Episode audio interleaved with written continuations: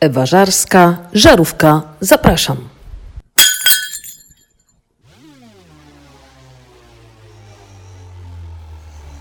Dzień dobry bardzo, witam w kolejnym podcaście. Dzisiaj mam bardzo, bardzo fajnego gościa. Od rana już się jaram z powodu tego spotkania i nie mogę się doczekać. E, Arek Linder, Tak, debiutant w tym roku w Dakarze. E, Facet, który bardzo dobrze pojechał i który jak mówi o Dakarze, jak mówi o kładach i mówi o wyścigach, to opowiada o tym e, z ogromną pasją. Na początek e, spytam, e, Arek, jesteś zadowolony ze swojego debiutu? Tak, jak najbardziej. Bardzo jestem zadowolony, chociaż e, aspiracje były delikatnie e, większe, ale to, co osiągnęliśmy na tym rajdzie, e, jak najbardziej pomaga nam, e, znaczy pozwala nam myśleć o tym, żeby już szykować się do następnego i o, przygotować się tak naprawdę do walki o podium. E, Do czego zmierzałem tak naprawdę od początku. E, No, pierwszy dzień uniemożliwił mi tak naprawdę spełnienie większości założeń, e, bo był bardzo ciężki i już pierwszego dnia dostałem, ze względu na pewne przygody, które przeżyłem, dostałem karę bardzo wysoką, która uniemożliwiła mi tak naprawdę walkę o to, aby być tam w pierwszej piątce na przykład. E, Natomiast e, jak najbardziej e, wszystkie oczekiwania się spełniły, te najważniejsze przynajmniej, dotyczące odcinków specjalnych i dotyczące moich możliwości. Także bardzo zadowolony. No i widzicie, wystarczy rzucić hasło Dakar i Arek już mówi i pewnie wcale bym tu nie była potrzebna. Ale na starcie. Bardzo przystojny facet w jakim wieku? 39. No, znaczy żona mi ciągle mówi, że powinienem 40 używać, bo rocznikowo już 40 wybiła. Także. No to dobrze, z e, czterema dychami na karku powiedz mi w takim razie, czy to nie jest za późno na, na debiut w Dakarze? Czy tam są jakieś ograniczenia wiekowe? Nie, zdecydowanie nie. Ogólnie bardzo ciężko tak naprawdę wystartować w takim rajdzie jak Dakar e, wcześniej niż e, w takim wieku zacnym, e, ponieważ no, że, e, ludzie, którzy tam się ścigają i mający po 20 kilka lat, no to są zawodnicy e, zawodowi e, rajderzy albo kierowcy zawodowi, e, za którymi stoją tak naprawdę no, potężne organizacje, jak na przykład fabryki to są zazwyczaj zawodnicy, którzy są takimi fabrycznymi kierowcami jakichś dużych teamów. E, Żeby dostać się, e, no, być kimś takim, tak naprawdę to całe życie od początku trzeba sobie wokół tego uporządkować. No i mieć też takie no, wszelkie możliwości, predyspo, oprócz predyspozycji, no też takie możliwości, żeby w ogóle e, zaistnieć w takim no, prestiżowym sporcie. i Czyli bardzo co, o drogim. tobie mówimy amator. A ja do tej pory ogólnie tak naprawdę, no, e, ja zawsze w głowie swojej jestem amatorem e, tak naprawdę, bo e, nigdy nie jeździłem przede wszystkim, no to chyba deter, determinuje taka jest definicja zawodowstwa, że no, nie, nie dostawałem za to pieniędzy, e, raczej odwrotnie, musiałem zarobić na to, żeby móc e, w tym uczestniczyć. Natomiast no, ścigam się z zawodowcami, więc no, praktycznie no, tutaj jest taki Pytam o to, bo, bo rozumiem, że w y, rajd Dakar w swoim regulaminie nie ogranicza dostępu. Mogą jechać amatorzy, mogą jechać y, Tak. zawodowcy. Jak najbardziej. Natomiast no, w świecie motorsportu tak jest, że e, często jest tak, żeby dojść do momentu e, zawodowstwa, to tak naprawdę sam we własnym zakresie musi się wykazać e, dobrą jazdą amatorską, a potem zawodowstwo po prostu tym się charakteryzuje, że już masz sponsorów, e, którzy umożliwiają Ci starty bez inwestowania własnych pieniędzy w to. No dobra, y, w takim razie cofamy się parę lat do tyłu, kiedy wymyśliłeś sobie, że pojedziesz w Dakarze, bo y, Dakar jest y, póki co najbardziej prestiżowym rajdem i uważany za najtrudniejszy. Faktycznie tak jest? Jest, tak naprawdę ja bym mógł tutaj na przykład postawić przynajmniej jeden rajd, który mógłby konkurować z rajdem Dakar, z mojej strony jako zawodnika.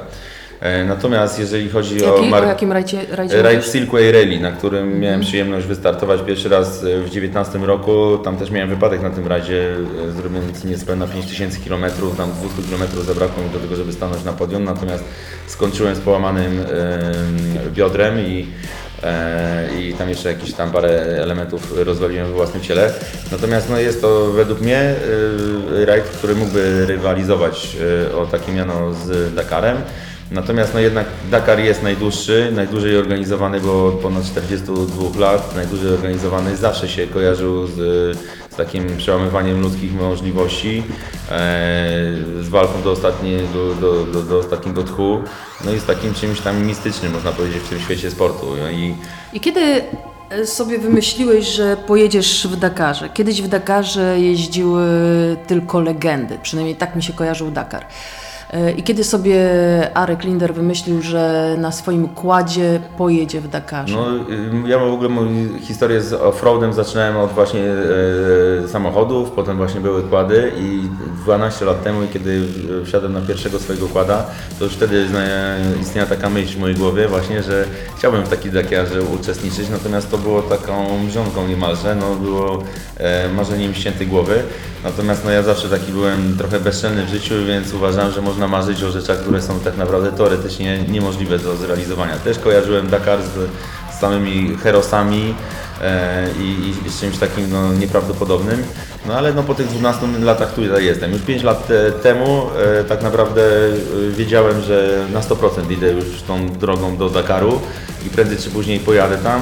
E, No tak jak powiedziałem parę sekund temu, że no, wiąże się to z dużymi nakładem finansowym i tak dalej, więc oprócz przygotowania takiego technicznego, mentalnego i po prostu sprzętowego, trzeba mieć e, sporo kasy na to, żeby móc zainwestować w, tą przygodę. No i, e, i o to się często rozbija problem. Mamy dużo No dobrze, doświadczonych... Arek, od pięciu lat jesteś zdeterminowany i wiesz, że celem był Dakar. To jak wyglądają przygotowania?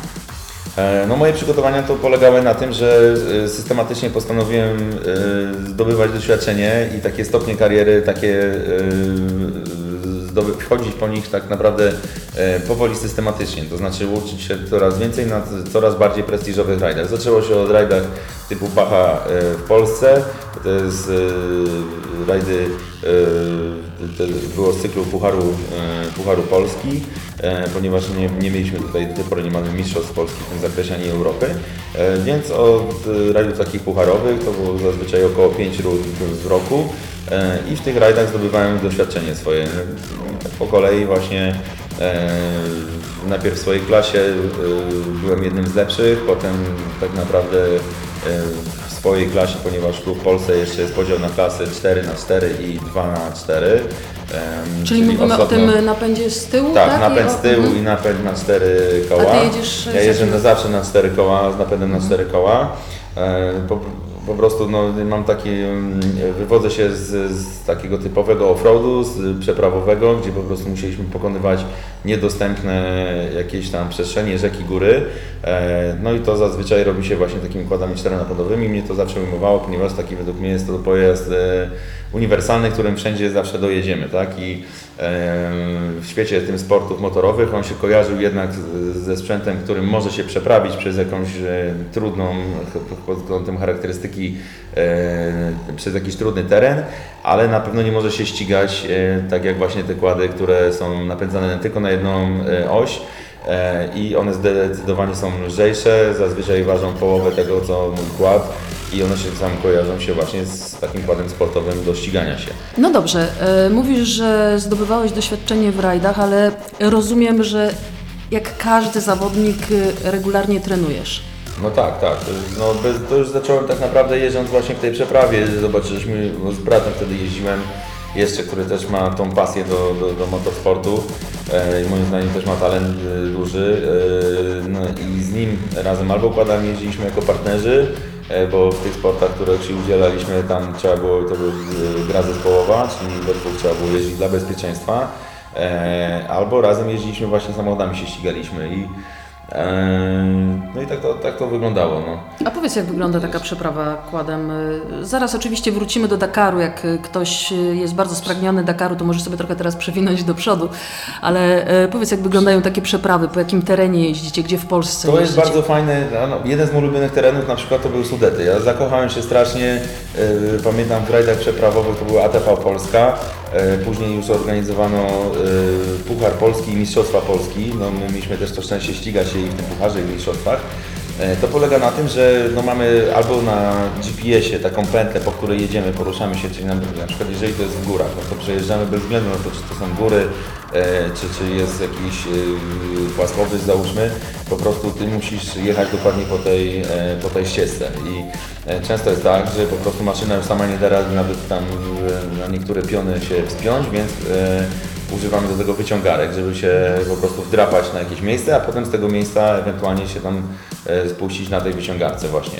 Oprócz tego e, bardzo dużą część tych rajdów Pod, stanowiły... pod jakim kątem pod takie ściany jesteście? No w to stanie z jest kąt wyciągać? większy, ja jestem w stanie wjechać e, tak pod 45 stopni spokojnie, e, ale nawet pod wyższe, my myślę, że 60 stopni takie kąty, no wciągaliśmy się nieraz. Także było coś I co, do takiego, że jakiegoś drzewa, do skały się jedź, tą tak, jedzie, jedziesz do momentu, kiedy już przód kłada ci odrywa, jak ci odrywa, to kładziesz się na tym kładzie, po to jest potrzebny team partner, czyli druga osoba, która wtedy właśnie, bo ty stabilizując takiego kłada, nie może z niego zejść, bo on po prostu spadnie razem z tobą albo bez siebie i będzie zniszczony. Więc po to jest team partner, wtedy, wtedy team partner wchodzi zazwyczaj e, do, do, do działania i on bierze tą linę od wyciągarki i zapina za pomocą pasa takiego zabezpieczającego drzewo, o na przykład drzewo i wciągamy się do góry. Czyli to nie jest tak, że wy jedziecie na dwóch kładach, tylko na jednym kładzie w dwóch Nie, jedziecie na dwóch wtedy. kładach tak? jedziemy, na dwóch Aha. kładach, bo teraz nie dokończyłem, a dru, drugiego kłada wtedy się ten team partner do, dopina i żeby zaoszczędzić czas i on, żeby nie robił tej samego procesu jeszcze raz, no to po prostu ja się wciągam na swojej wyciągarce, ciągnąc je- jednocześnie swojego partnera y, do góry. A taka przeprawa jest, y, tak jak jeździłeś, nie wiem, na przykład y, w Polsce, ja wiem, że to są zupełnie inne uwarunkowania i tereny, ale na przykład ta przeprawa y, w Sudetach jest porównywalna z trudnością technicznie na przykład z takim Dakarem, no bo No ja tak, wiesz co, y, powiem, z mojego punktu widzenia No. ten Dakar wygląda tak, że jadą faceci po piasku. No tak wszyscy mają takie w skróconej wersji I- tak, taką wyobrażenie, a wcale mi się tak wydaje, że po prostu największym problemem to, to, to jest to, że jest gorąco i że są wydmy. No nie, bo to jest, no, to jest takie uproszczenie tak naprawdę, Mhm. bardzo mocne uproszczenie, bo bardzo dużo jest takich technicznych e, momentów, na przykład teraz bardzo byłem szczęśliwy z odcinków specjalnych, które na tym Dakarze były. E, Starzy wyjadacze Dakarowi mówili, że to, są, to jest jeden z gorszych Dakarów, jeden z trudniejszych Dakarów. E, Mnie się to bardzo podobało, takiego czegoś dokładnie oczekiwałem właśnie, takiej skali trudności, a nawet większej spodziewałem się. E, I było około, według mojej oceny, około 20-25% trasy, na przykład takiej właśnie bardzo kamienistej. No nie powiem jak w Sudetach, ale Sudety e, miały dużo z, z takiej jazdy kamienistej i to są doświadczenia, które no nie w pełnym zakresie można przełożyć właśnie na, na to, żeby tutaj czerpać z tych doświadczeń na Dakarze, ale na pewno w jakichś elementach jak najbardziej to doświadczenie się przydaje. Czyli w momencie, kiedy jest, ja zawsze mówię, to jest taka e, moja taka domena, że jeżeli jest gorzej, to jest lepiej dla mnie. Czym trudniej, tym lepiej. I tak rzeczywiście jest. Ja na przykład jak zjeżdżam po jakichś takich, no my to nazywamy piona, czyli bardzo stromych jakichś takich urwiskach skalnych albo wjeżdżamy pod nie, no to takie doświadczenie ja nabierałem właśnie chociażby w Polsce w Sudetach. W większości w Ile Polsce jeździmy po Gminie, po Płocie i tak dalej, a tam Sudety pamiętam wspaniale też wspominam, ponieważ to były też jedne z pierwszych momentów, kiedy ja się zakochałem, bo jazda na kładzie to nie jest sama jazda i spalanie benzyny i ta technika jazdy i tak dalej, ale oprócz tego to, co mnie zawsze ujmowało w tym offroadzie, to jest pozn- no, po prostu obcowanie z naturą i y, te przepiękne okoliczności przyrody. Ja e, pamiętam, że jeżeli jak uczestniczyłem w tych legalnych rajdach w Polsce, zawsze byłem podekscytowany i czułem się taki e, no, e, że mam specjalną możliwość taką, że mogę obserwować e, te, te fajne okoliczności przyrody właśnie tak jak ja lubię, czyli nie chodząc sobie pieszo załóżmy nie wiem, na trekkingu jakimś, tylko po prostu przemierzając to kładem, wciągając się pod jakieś góry i robię to legalnie e, za zgodą no, danego społeczeństwa, w którym tam się A ile razy spadałeś, ile razy nie udało się e, wciągnąć albo zjechać? No, e, teraz moja jazda dużo się różni od jazdy, którą e, uprawiałem przez ostatnie lata w Polsce. W Polsce bardziej ryzykowałem, a tutaj na tych rajdach dużo mniej ryzykuję. Dużo mniej sobie pozwala na, na ryzyko. Zakres tego ryzyka praktycznie co roku się zmniejsza, e, ponieważ są to na tyle długie maratony i, i, i zawody i one się tym charakteryzują, że trzeba wytrwać po prostu. I każdy z, z uczestników takiego rajdu ma dobrą technikę, jest dobrze przygotowany i fizycznie, i psychicznie zazwyczaj, ale kwestia jest tego, żebyś to przetrwała przez cały okres rajdu, więc e, ja to ryzyko zmniejszyłem. A tu w Polsce często się działy różne takie akcje. E, Ja znowu mam takie e, predyspozycje z koszykówki, którą kiedyś uprawiałem, że jestem jak te koty wasze tutaj, które właśnie poznałem E, i bardzo udawało mi się dobrze z tych maszyn uciekać. No ale to się zdarzało w roku kilka razy, że jakaś była taka rolka, my to nazywamy, że kład po prostu się toczy albo w przód, albo w, tył, no to różnie to bywa, albo spada z góry po prostu. No. Także to się zdarzało no, kilka razy w roku. No dobrze, e, zaraz będziemy wracać do Dakaru, ale jeszcze chciałam zapytać o przygotowania, bo zaraz też porozmawiamy o finansach, porozmawiamy o Twoich kładach. Ale powiedz mi, to jest tak, że regularnie, nie wiem, kilka razy w tygodniu trenujesz, przygotowujesz się również e, fizycznie, nie tylko technika jazdy. No tak, no jeszcze bym dokończył ten wątek odnośnie, bo może ktoś nas słucha, kto e, jest zainteresowany na czym polega ta przeprawa, bo to co ja powiedziałem, że jedziemy po GPS-ie, po jakimś traku, to jest tylko jedna tam załóżmy e, jakaś jedna trzecia e, tych e, przeprawowych e, zawodów, a większość z nich polega na tym, że mamy na przykład pieczątki specjalne i mamy coś takiego, że przy kładzie albo przy samochodzie jest na odpowiedniej długości kawałek kartki, która jest specjalnie przygotowana przez organizatora i my na tą ka- kartkę podbijamy pieczątki. Tych pieczątek na przykład w lesie jest, nie wiem, 20 albo 100 e, w danych miejscach. My wiemy, y, jak to jechać właśnie na podstawie a chociażby Czyli GPS-a. trzeba sobie przygotować taką pieczątkę przed rajdem. Ale te, zazwyczaj te pieczątek są różnego rodzaju. Właśnie i to nie jest takie proste, także no my Polacy jesteśmy sprytni i organizatorzy wiedzą o tym, więc wychodzą temu naprzeciw. Nie jest łatwo oszukać. Często też się zdarzają elektroniczne pieczątki. Także Nie, no zresztą nie o to chodzi, tak? To Tak, żarcik. i na tym to polega tak naprawdę, żeby e, dojechać e, do odpowiedniej odległości, czyli około tam załóżmy pół metra od e, sytuacji i tam podbić sobie tą pieczątkę. Jest to informacja dla organizatora, że Ale żeby się dostać w takie miejsce, to trzeba przejechać rzekę na przykład, albo no, często przeprawić się przez rzekę głębszą niż na przykład wysokość kłada, także no, różne są takie e, e, trudności w tym zakresie. I my wtedy już zaczęliśmy e, z bratem trenować e, fizycznie na sali gimnastycznej. Zauważyliśmy, że No, mamy dużo e, podobnych kolegów, e, znaczy du- wielu z nich ma podobne umiejętności jak my, e, no więc trzeba było czymś się wyróżnić, tak? I tutaj ta tak naprawdę wytrzymałość, kondycja i to wszystko robiło ogromną rolę. I my to zorientowaliśmy się już kilka ładnych lat temu właśnie przy okazji tych przepraw. No, a później e, tak naprawdę, kiedy zaczęliśmy się ścigać e, w, w cross country zawodach, no to to było, że tak powiem, oczywiste, że trzeba, trzeba tutaj wzmacniać i pracować nad tym. Ile No razy dobra, w tygodniu? No minimum to- dwa razy w tygodniu siłownia, plus dodatkowo jeszcze jakieś tam inne e, aktywności. No i dobrze by było Jak kiedyś... wygląda taki trening, y, taki trening siłowy w przygotowaniach? Bo, bo, bo to jest kondycyjnie bardzo, bardzo trudny i bardzo ciężki sport. E, Jak było tych treningów mniej i robiłem tylko na przykład dwa razy w tygodniu treningi na siłowni, to zazwyczaj skupiałem się na takich motorycznych treningach. To są treningi takie, w moim przypadku akurat z trenerem, którym ja trenowałem. e, Zresztą to był wasz ostatni, to był twój ostatni gość. Marek. Marek, tak. Z Markiem go wspominam jako taki jeden z najbardziej profesjonalnych trenerów, z którym miałem przyjemność e, trenować. E, I to były właśnie takie, używaliśmy, nie używaliśmy żadnych dodatkowych ciężarów, używaliśmy tylko ciężarem e, swojego ciała, ćwiczyliśmy. E, No i on często, pamiętam, wypytywał mnie, jaka jest charakterystyka, co tam najwięcej, które mięśnie Twoje pracują, jakie ruchy robisz. Sprawdzał szereg takich rzeczy, dowiadywał się, taki interwiu robił ze mną i wymyślał różne ćwiczenia też typowo pod nasze, e, nasze zawody.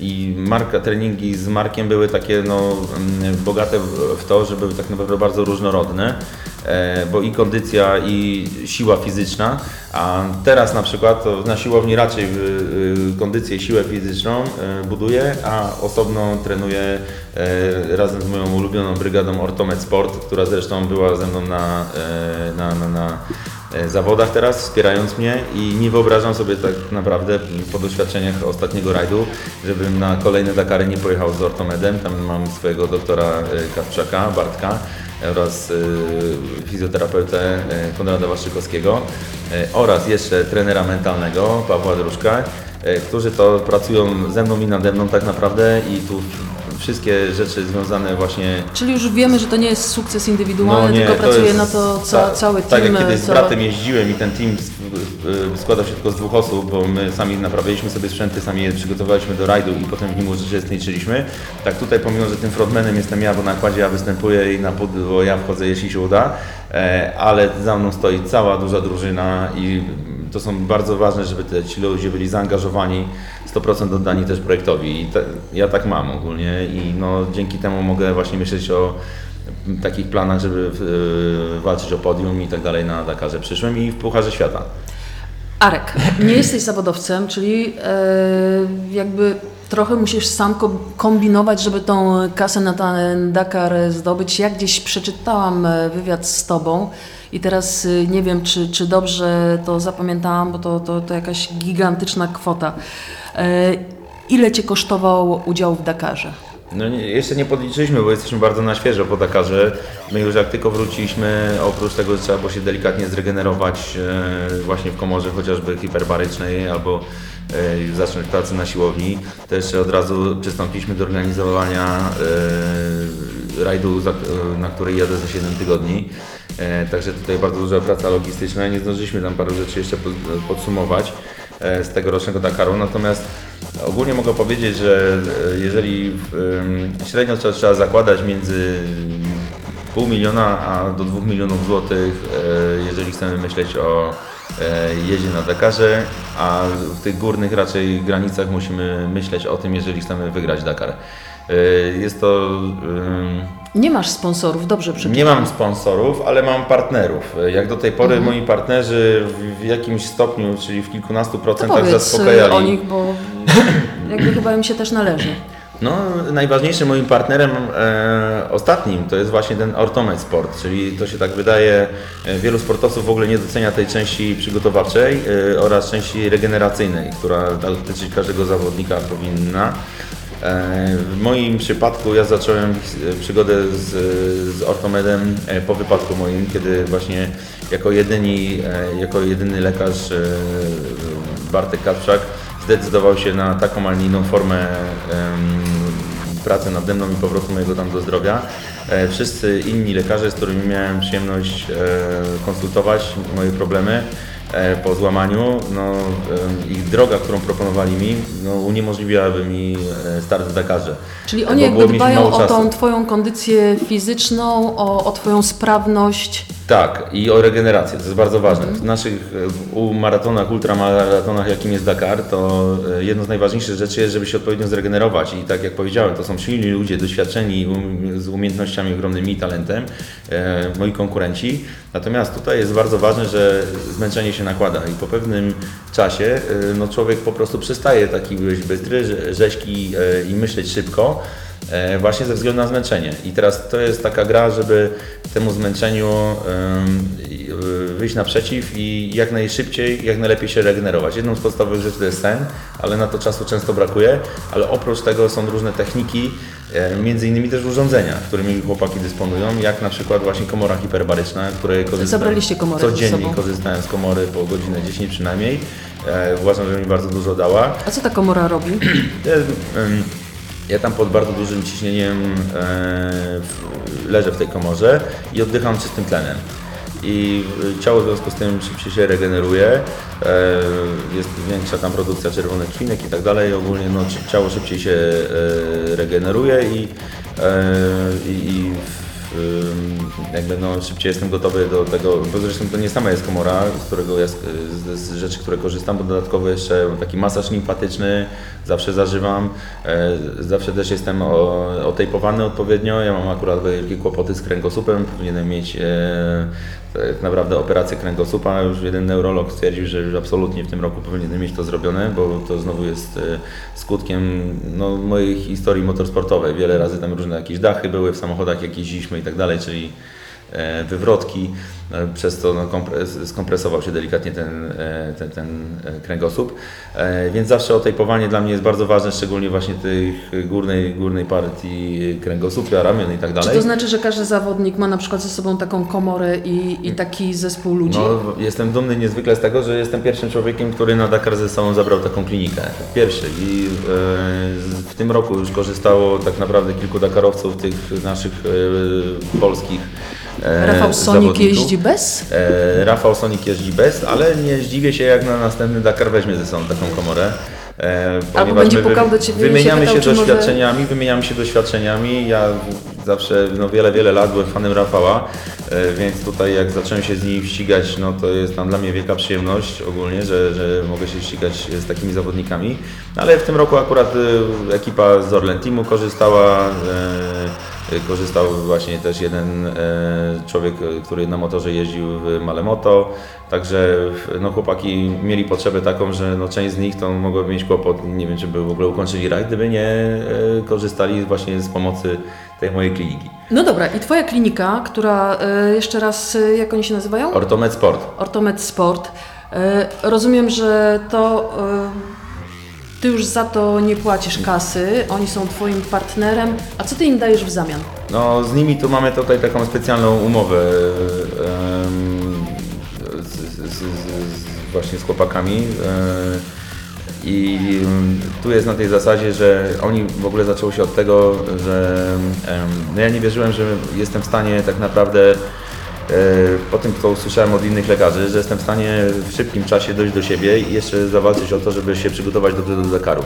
Ponieważ ja w lipcu, jak miałem wypadek, byłem przekonany, że jak tylko przyjadę do Polski, to od razu pół roku prawie poświęcam na to, że się przygotowuję, jeszcze się bardziej wzmacniam, że wtedy naprawdę byłem na topowo przygotowany, więc cały okres ten czasu miałem poświęcić na to, żeby się świetnie do Dakaru przygotować i kondycyjnie, i siłowo i tak dalej. A ja pierwsze 3-4 miesiące to pracowałem na tym, żeby w ogóle dojść do punktu zera tak naprawdę, żeby wyjść. I doktor Kacprzak powiedział do mnie, że e, on gwarantuje, że jeżeli ja będę robił to, co e, oni będą sugerować, co powinienem robić, jak pracować, ile godzin dziennie i co wykonywać, to że ja stanę na starcie Dakaru. I ja i powiedział, dobra, ale jak staniesz, no to, to jedziemy z Tobą. Ja mówię, dobra, umowa stoi. I to tak w ogóle było słowo do słowa. Masz gdzieś ich też logo, bo rozumiem, że to w jakiś sposób tak, chyba oczywiście, tak działa, to, to, tak? to, są, to są honorowi ludzie, tak, i, A, i tak okej. jak ja, jak oni powiedzieli, że mnie postawią na nogi, tak ja powiedziałem, że jadą ze mną i tak żeśmy pojechali. I teraz A mamy... mogę Cię teraz zapytać z drugiej strony, bo ja się zastanawiałam, jak, jak to działa. Okej, widzimy tych zawodników, e, nie wiem, Orlenem różnymi dużymi Tak. takimi firmami. Czy na przykład Ortomety po tym Dakarze ktoś zadzwonił do Ciebie i powiedział e, Arek, my naprawdę e, zaczęliśmy, nie wiem, działać na innych obrotach albo naprawdę nam ta współpraca z Tobą e, teraz zaczyna się opłacać po tym Ja myślę, że e, potrzebuję jeszcze czasu, z- rok czasu gdzieś na to, ponieważ też to był dla mnie nowy Dakar. Ja jestem wielkim fanem w ogóle sam zawodników, tam jeżdżących samochodami, ciężarówkami, po prostu ja kocham ten sport. E, Więc ja tam byłem jak dziecko po prostu w, w składzie z cukierkami. Więc nie było tak czasu na, na zrealizować wszystkie e, nasze zamierzone cele, bo jednym z nich było coś takiego, żeby wyjść do większego jeszcze grona, nie tylko w, w naszym środowisku polskich zawodników, jakby to pokazać. To akurat po prostu się stało ze względu na to, że my się e, dobrze znamy, ciągle rozmawiamy po e, odcinkach ze sobą i tak dalej. Jak chłopaki byli w potrzebie, to im po prostu pomogliśmy. Natomiast naszym planem było też tak, żeby pokazać tą naszą polskie możliwości, polską myśl techniczną, to znaczy to nie jest polska myśl techniczna, ale my ją wykorzystujemy tutaj w klinice w Łodzi, bo e, najważniejsza klinika, e, panowie e, mają dwie, trzy kliniki razem, natomiast najważniejsza ta klinika jest właśnie w Łodzi i jedno z zamierzeń było takie, żeby wyjść do naj, takich najważniejszych zawodników światowych, którzy i są w stanie docenić to i zrozumieć właśnie, bo to jest naprawdę nieodzowna rzecz dla, dla człowieka, który na najwyższym, że tak powiem, poziomie myśli o sporcie i chce o te najwyższe laury walczyć. I chcieliśmy wejść do tych najwyższych, najważniejszych zawodników z tym. I nie zdążyliśmy po prostu ze wszystkimi się tak naprawdę e, pokazać ty, e, tym. I chciałem za, i, i, zarówno zaprezentować i sprzęt, który chłopaki mają, i te, czyli tą technologię i wiedzę ogólnie i umiejętności, jakimi oni dysponują. E, Do tej pory oni w większości zajmowali się tu częścią kadry polskiej w piłce nożnej, w koszykówce, w piłce ręcznej. E, Także znani są wśród zawodników krajowych, ale myślę, że właśnie w tym sporcie, gdzie regeneracja stanowi niezwykłą rolę, e, to jest jeszcze dużo do pokazania. I tak jak mnie teraz pytasz, co wiemy, jakie są feedback w, w tym momencie, to ja bym chciał, jakbyś mi to pytanie zadała za rok, bo mamy jeszcze Dobra. sporo e, planów, sporo projektów do zrealizowania. Tak jak powiedziałem na początku, ja nie wyobrażam sobie, że bez nich to robić. Jeszcze wczoraj byliśmy też razem na kolacji i omawialiśmy już plany na przyszłość i oni na, pracują nad tą przyszłością i my też. Już zakupili A panowie. jak ta komora wygląda? Bo, bo się zastanawiam. Em. O, w tle słyszymy właśnie moje koty, które się teraz e, biją. Komora jest wielkością tego stołu, czyli ona na przykład, ta komora, którą my akurat zabraliśmy, to była specjalnie zakupiona pod kątem Dakaru, to jest komora przenośna. Ja u nich No korzystałem z komory stacjonarnej. To było urządzenie takie, wyglądało trochę jak e, w e, takiej, no, jakby z, kos, z kosmicznych jakichś tam trylogii wzięte wprost, bo to jest wielkości człowieka, czyli ma około tam 2,20 długości, e, średnicę załóżmy z 80 cm i to jest taka tuba, w którą wchodzimy, zamykamy się w tej tubie i potem kompresor po odpowiednie ciśnienie e, tam stwarza, e, pompuje, a w międzyczasie mam po prostu maskę tlenową i oddycham właśnie tym podłączonym 100% tlenem. I co, a jak wychodzisz z takiej komory, faktycznie się czujesz e, lepiej? Wiesz, nie czuję różnicy dużej, natomiast e, to jest coś takiego jakbyś e, leciała samolotem, czyli po prostu jest taka trochę, e, trzeba jakby taką mini dekompresję zrobić, jak, e, jak wychodzimy z niej, czyli e, spuszczamy ciśnienie powoli, uszy się zatykają, e, czyli to jest delikatny taki dyskomfort, ale to tylko tyle możesz czuć tak naprawdę podczas tego, tej, tego zabiegu, tak w cudzysłowie można to powiedzieć. Natomiast oprócz tego ja na pewno czuję na przykład takie coś, albo część ludzi od razu zasypia w tej komorze, ja na przykład znowu bardzo dobrze mi się czyta różne rzeczy i analizuję, bo Okej. tam jest tak, że jest cisza, spokój, jesteś oddzielona od całości świata, nie możesz z nimi, nie możesz kontaktu mieć żadnego, nie masz telefonu przy sobie, bo tam za dużo ciśnienie panuje, żeby telefonu używać e, i właśnie na przykład jak mam jakieś takie rzeczy, żeby tam jakieś logistyczne zagwozdki albo coś takiego, e, świetnie mi się tak pracuje akurat na przykład w komorze. No nie? dobra, no to to, to, to, Czyli to tak, jest czyli jeden ze z sponsorów, no to jest jeden z, tych partnerów, no to jest właśnie Ortome Sport. Drugi, ja jestem ogólnie, może od tego powinienem zacząć, ponieważ jeśli chodzi o e, długość i historię, e, to był pierwszy, który mi zaufał z takich poza- poważniejszych graczy. Jest to producent e, amortyzatorów, e, którego jestem fabrycznym kierowcą. A, okej. E, czyli no, to była taka pierwsza rzecz e, z grubszych rzeczy, z których byłem takich grubszych takich partnerów, których bardzo dumny byłem, ponieważ zawsze celowałem em, w to starałem się no, budować jakby ten mój, całą tą markę moją i tak dalej, nie korzystając z takiego partnerstwa, że będę miał na przykład 30-40 różnych takich e, kooperantów, sponsorów można to nazwać, ponieważ z racji mojej pracy po prostu nie wystarczyłoby mi albo na pracę bym stawiał, albo na współpracę z tymi ludźmi, czego, co nie dałoby znowu takiego przełożenia finansowego. E, Więc ja wolałem e, systematycznie się rozwijać, czyli tak jak tam wcześniej powiedziałem, najpierw te rajdy polskie, potem rajdy w Europie, zdobycie mistrza Europy, potem zdobycie tam trzeciego miejsca w Pucharze Świata e, i później kontynuację jazdy w Pucharze Świata pod kątem już Dakarowym przygotowywania się. I tak samo było ze sponsorami ogólnie, czyli e, zawsze starałem się, żeby jeżeli będę szukał jakiegoś partnera, to żeby miał cokolwiek wspólnego z tą branżą i z tym, co ja robię. Dlatego e, właśnie ten pierwszy, który mi zaufał z poważnych, e, z poważnych partnerów był człowiek, który produkuje amortyzatory, to, jest producent z Danii w ogóle i z Holandii, bo to jest taka tam kooperacja. W każdym razie em, oni oprócz tego, że em, mam od nich po prostu te amortyzatory zawsze e, dostaję i testuję je i tak dalej, to przede wszystkim co dla mnie jest najważniejsze, to producent sam pomaga mi i uczył mnie już niejednokrotnie w ustawianiu właśnie zawieszenia. To jest bardzo, jedną z bardzo ważnych rzeczy w motorsporcie. że- No dobra, to przechodzimy do, do tego tematu. To jest pytanie od mojego brata. Jak będziesz rozmawiała z Linderem, zapytaj go, jak e, bardzo musiał przerobić kłada. Co od tej fabrycznej wersji, e, na czym jeździsz? E, Yamaha? Can-Am Renegade. A nie. Can-Am Renegade. Aha. To jest producent kanadyjski, znana bardzo firma, jedna z największych na świecie. E, no, jeśli chodzi o kłady, no to wiodąca prym, jedynym konkurentem tego Canama jest Polaris. Także no, e, jeżdżę na takim markowym sprzęcie.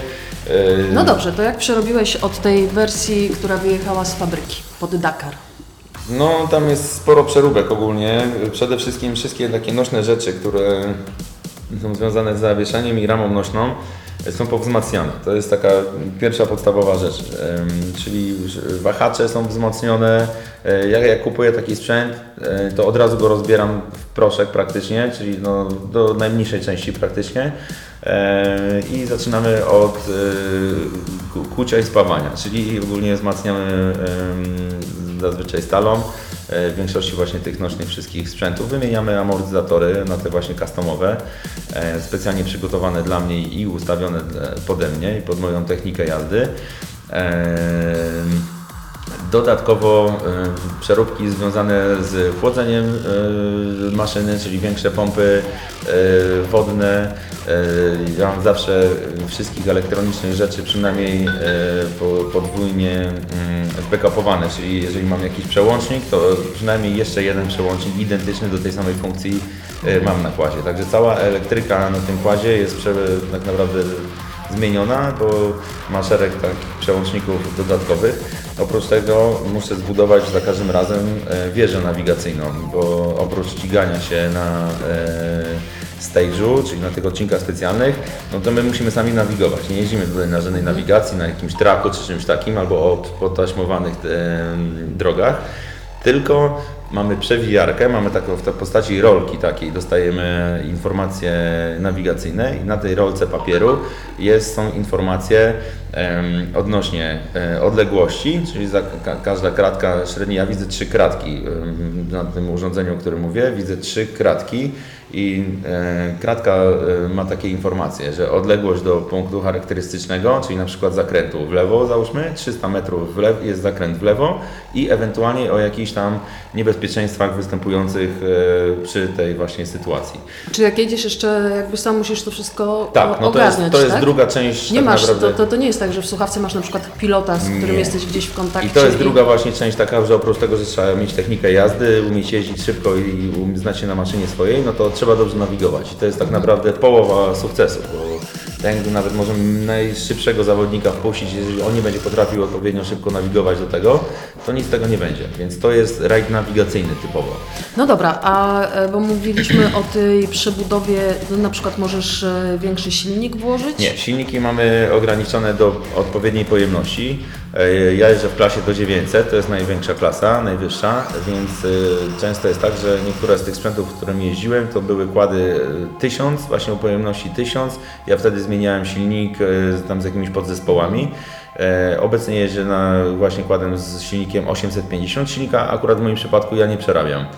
Ja tylko zmieniam limitery obrotów maksymalnych, czyli to są takie nieduże jakieś e, zabiegi w mapie silnika, e, dodatko, w mapie komputera. E, dodatkowo no, mam przerobiony cały właśnie komputer pod kątem takim, żeby wszystkie zabezpieczenia, które normalnie dla normalnego użytkownika są wymagane, także jak na przykład właśnie coś się dzieje w kładzie i występuje jakiś check engine na przykład, albo szereg innych informacji, na przykład, że brake jest prawdopodobnie włączony czy coś takiego, to wtedy maszyna ma wchodzić w tryb awaryjny. Ja mam to wszystko obejścia na to, tak żeby nie wchodziła w tryb awaryjny, ale żeby poinformowała mnie ewentualnie e, co jest nie tak e, ze sprzętem. E, Często się zdarza, że po prostu sprzęt ma złe informacje, wejdzie w tryb awaryjny i wtedy no, nie możemy się poruszać z normalną prędkością, tylko załóżmy jakąś Okej, tam a z, z jaką prędkością średnio y, jedziesz na, na takim rajdzie takim piaszczystym, jak, jak, jak na przykład teraz w Arabii Saudyjskiej? E, To zależy od terenu, bo ogólnie no, bardzo dużo terenów było takich, gdzie no, od tego roku w ogóle mamy ograniczoną prędkość maksymalną do 130 na godzinę, więc ja jechałem 130 na godzinę na tych wszystkich takich otwartych, płaskich przestrzeniach. E, To też było fajne przeżycie, bo pierwszy raz w życiu miałem sytuację, że mi pika jakieś e, urządzenie i mówi mi za szybko jedziesz na, e, na odcinku specjalnym, to jest taki abstrakt ogólnie. Natomiast to się zdarzyło, zdarzało. A średnio na przykład na wydmach to jest tak od y, 50 do 70 na godzinę. To jest taka średnia na, na dosyć wysokich wydmach, tak mogę powiedzieć. Okej, a na wydmach y, wyrzucacie? No, y, no trzeba tak robić, żeby nie wyrzucało Okej. ogólnie, bo jeżeli cię wyrzuci, było sporo wypadków. Ja jeszcze tyle wypadków jak na tym lekarze to nie widziałem. było bardzo dużo właśnie wypadków i to jest tak, że jak przestrzelą ludzie wydmy, bo y, trzeba jeździć tak, żeby po prostu za każdym razem, y, jeżeli nie wiemy co jest za tą wydmą, to musimy po prostu na tyle dzwonić, żeby zobaczyć przynajmniej część niebezpieczeństwa, nad którą jesteśmy w stanie zapanować. E, Jeżeli się zdarzy taka sytuacja, że nie zdążymy tego zrobić, no to w większości przypadków nic złego się nie stanie, ale e, raz na 20 razy wydma jest urwana albo jest jakiś kamień za tym szczytem wydmy albo coś takiego, co może generować e, jakiś tam... Chcesz wody albo jakiegoś Red Bulla? Przepraszam, muszę odkasnąć. Tylko... Dobra. A chcesz Red Bulla czy wodę? Nie, dziękuję. Tu tą kawkę sobie będę działał, także jest wszystko Dobra, ok. Dobra. Jak będziesz y, coś chciał, potrzebował do, do picia, to jeszcze też mam y, takie fajne hiszpańskie, delikatne piwo. No nie, no na razie dzięki. Ogólnie piwo Okej. to padnę ogólnie. Także tutaj jakby kończąc ten wątek, e, no to zawsze do szczytu Wydmy trzeba e, zwolnić, najpierw jedziemy pełnym gazem praktycznie, potem do szczytu Wydmy zwalniamy. Ja mam taką e, technikę, No którą dobra, sobie a opracowałem. jeszcze właśnie- dodatkowy powiększony bak paliwa masz, no bo jeżeli jedziesz tak, no odcinek z ty- o 900 tych, km, o tych no zmianach, to... co mówisz, no to tak, dodatkowy zbiornik paliwa mam. Ja mam autonomię na minimum 250 km, bo takie są zasady zgodnie z regulaminem. Czyli jeżeli tam jadę, na przykład w odcinku mówiłem najdłuższym tutaj, że zrobiłem dwie, ponad 900 km, to ja muszę mieć e, co najmniej, e, znaczy maksymalnie po, co 250 km plus minus 10% strefę tankowania. I A to, twój team dba o to, żeby Nie, to musi mi zapewnić organizator. Ogólnie. okej. Tak, także ja mam taką autonomię właśnie paliwową i muszę się w tym zmieścić. E, więc na, na taki długi odcinek to tam 3 czy 4 razy miałem normalnie wyznaczoną strefę tankowania. I tam jest neutralizacja czasu, mamy 15 minut, w którym to tankujemy maszynę.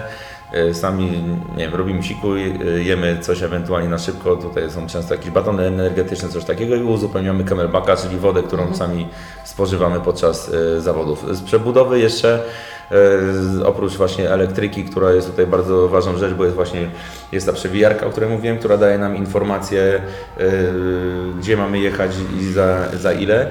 Tutaj mam kilka jeszcze urządzeń takich GPS-ów, które dają e, organizatorzy, ponieważ swoich własnych urządzeń GPS-owych e, nie możemy posiadać. E, Dodatkowo mamy takie urządzenie, które cały czas jest przypięte do kłada w razie wypadku i e, ono jest niezależnie zasilane. Jeżeli mnie się dostanie, będę nieprzytomny, będę miał wypadek, e, to organizator będzie wiedział, że stoję i moim zadaniem jest albo nacisnąć przycisk czerwony, informując, że jest problem medyczny, albo zielony, informując, że jest problem techniczny, albo jeżeli nic nie naciskam, to jest około tam dwudziestu kilku osób w Paryżu, którzy y, na bieżąco monitorują przebieg całego rajdu. Każdy ma odpowiednią ilość zawodników.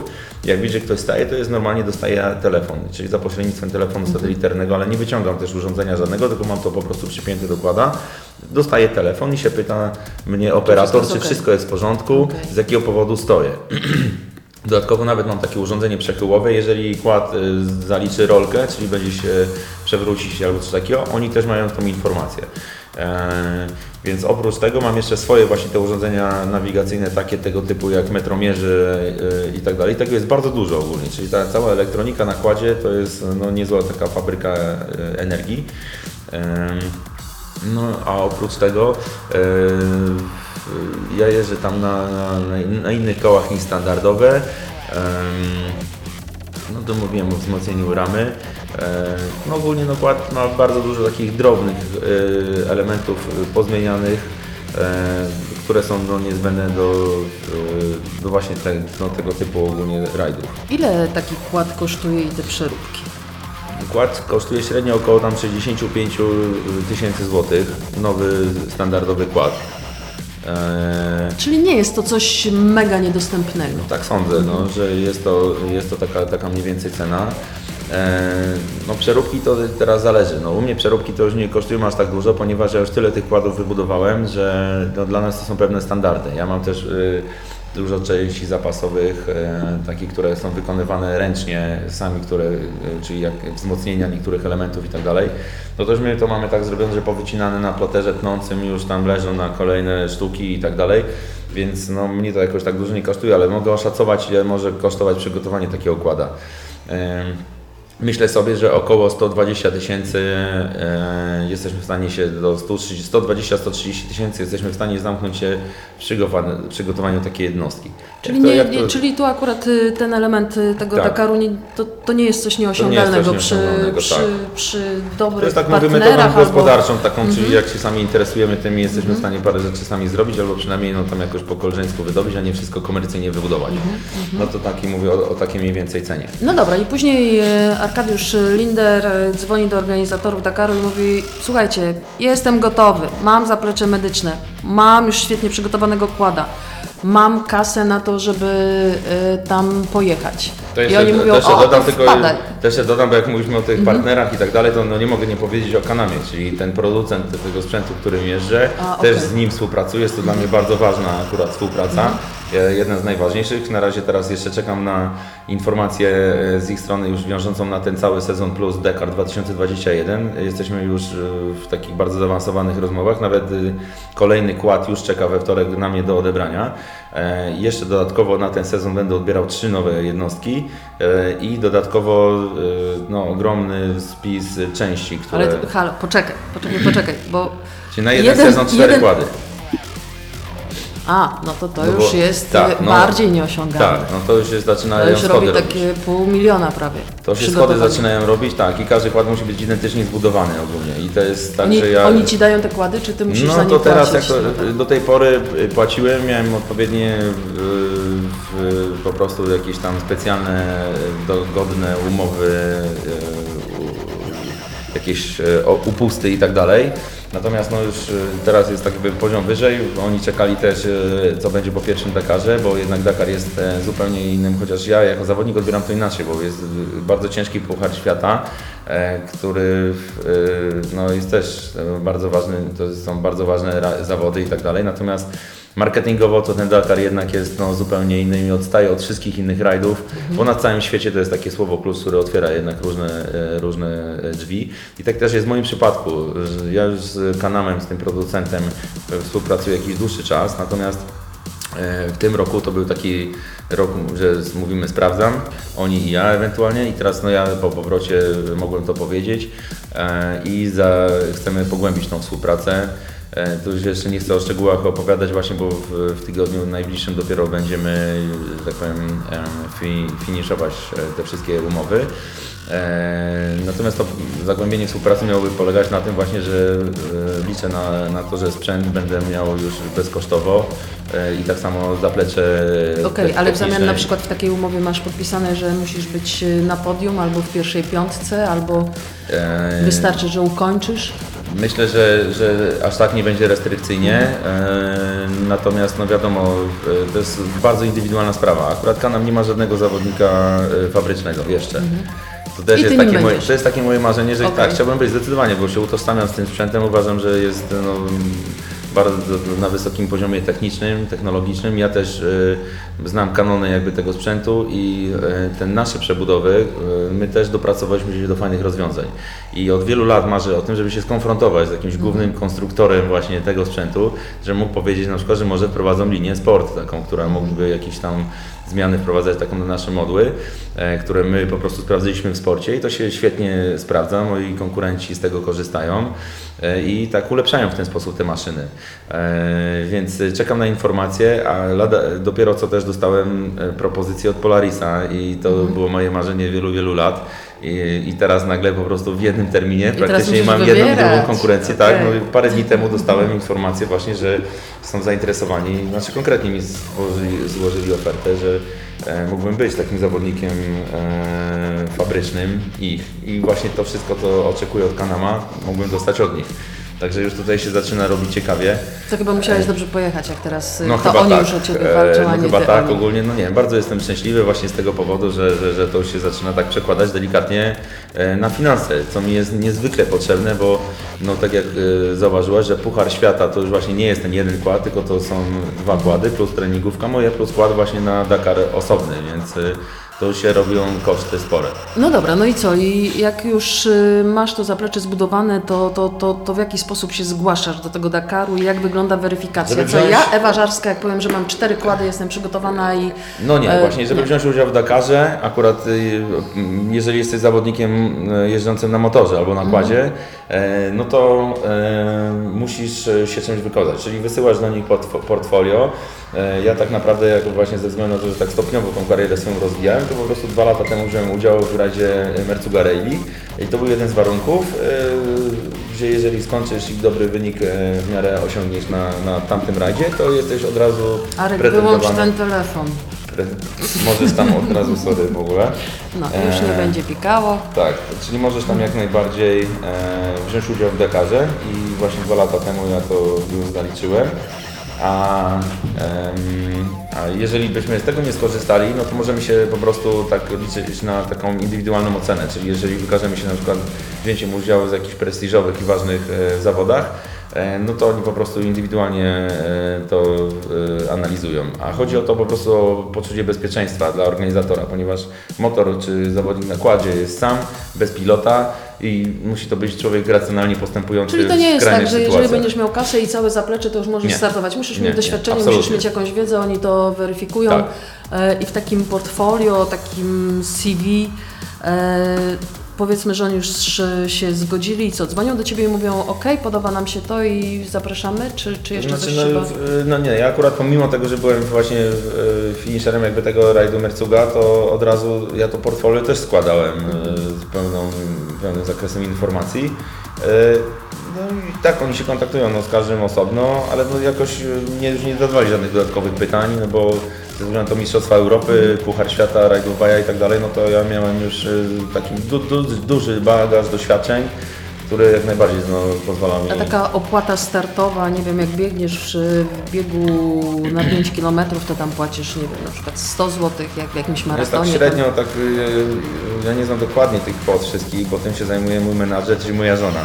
A, a przejdziemy zaraz do tego. Tak, i ona się zajmuje tymi rzeczami, więc ona by rzucała z rękawa, jak z rękawa tymi kwotami.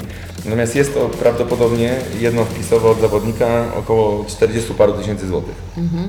Natomiast to nie wszystko, bo zawodnikiem musi być e, mechanik.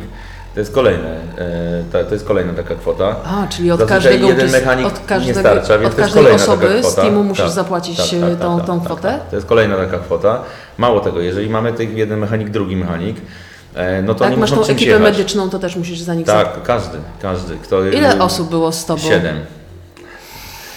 No właśnie, bo to jest, o, o, o to w tym chodzi właśnie. No i teraz tak jak są te osoby, to każdy musi mieć pojazd, którym się porusza. Mhm. Żeby mieć ten pojazd, to trzeba, to trzeba wysłać ten pojazd, zapłacić za ten pojazd, za transport w tą i z powrotem i za jego funkcjonowanie tam ogólnie. Także no to się, to wszystko Jak się teraz zbiera. ktoś nas słucha i marzy o Dakarze, to jednak musi sobie uświadomić, że albo ma bardzo dobrego sponsora, albo po prostu finansowo Więc sam sobie dobrze być albo radzi. jakimś mega talentem, młodym człowiekiem, mega utalentowanym i znaleźć się od razu w odpowiednim miejscu, bo ja mam świadomość tego, że to już jak w Polsce jeździłem, że jest wielu tak naprawdę zawodników, którzy mogliby ze mną na przykład się pościgać, nie mają szans ze względu na brak możliwości finansowych. Ale to Ty, wszystko sam, idzie ty w dużej, w dużym stopniu sam finansujesz, W większości to znaczy nie, ja, moja y, spółka y, Maxboot Development jest y, no, w większości, znaczy jest zdecydowanie większy, na- największym sponsorem, sponsorem strategicznym całego mojego sportu? To, od to początku. co, co robisz y, tak y, na co dzień, jak rano się budzisz, myjesz w poniedziałek zęby, to, to, to, to czym się zajmujesz? E, Zajmuję się deweloperką, tak w skrócie ogólnie, Mhm. no, ale jest, jest to po prostu jeden z moich wielkich bakcyli. Ja lubię tworzyć rzeczy e, i to, czym się zajmuję w deweloperce, to właśnie e, kreuję nowe miejsca do zamieszkania.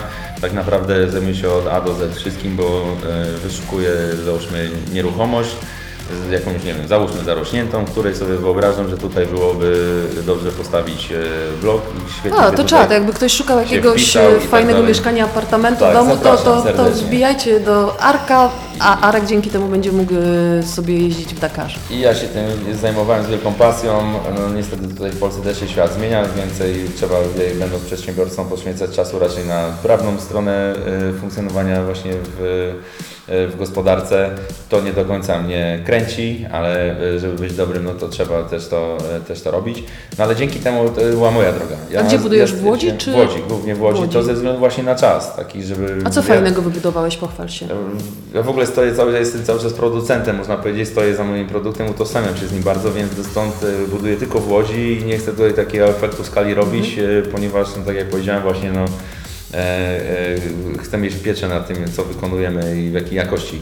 E, no w Łodzi z, na przykład jedną z takich, takich z ciekawszych rzeczy, którą wybudowałem, to na Kili Skłodowskiej, taki apartamentowy jest Kili Skłodowskiej 26 i tam jestem niezwykle dumny z, ze ściany, którą pomalowaliśmy pięknym muralem. Na 800 metrach kwadratowych jest wielki mural. Ja E, No biorę wygoogluj proszę. E, Jest wielki mural. Zrobiliśmy to razem z, z Centrum Wydarzeń z, z miasta Łodzi. E, ściąg- już jak wiecie, Łódź jest miastem murali i od razu mi przyszło do głowy, jak inwestowałem właśnie w wykończenie tej ściany, że przecież no to jest jak nic tutaj trzeba zrobić coś, co się wpisuje w tkankę 26? miejską. Tak. E, Już wpisujemy, co tutaj mam.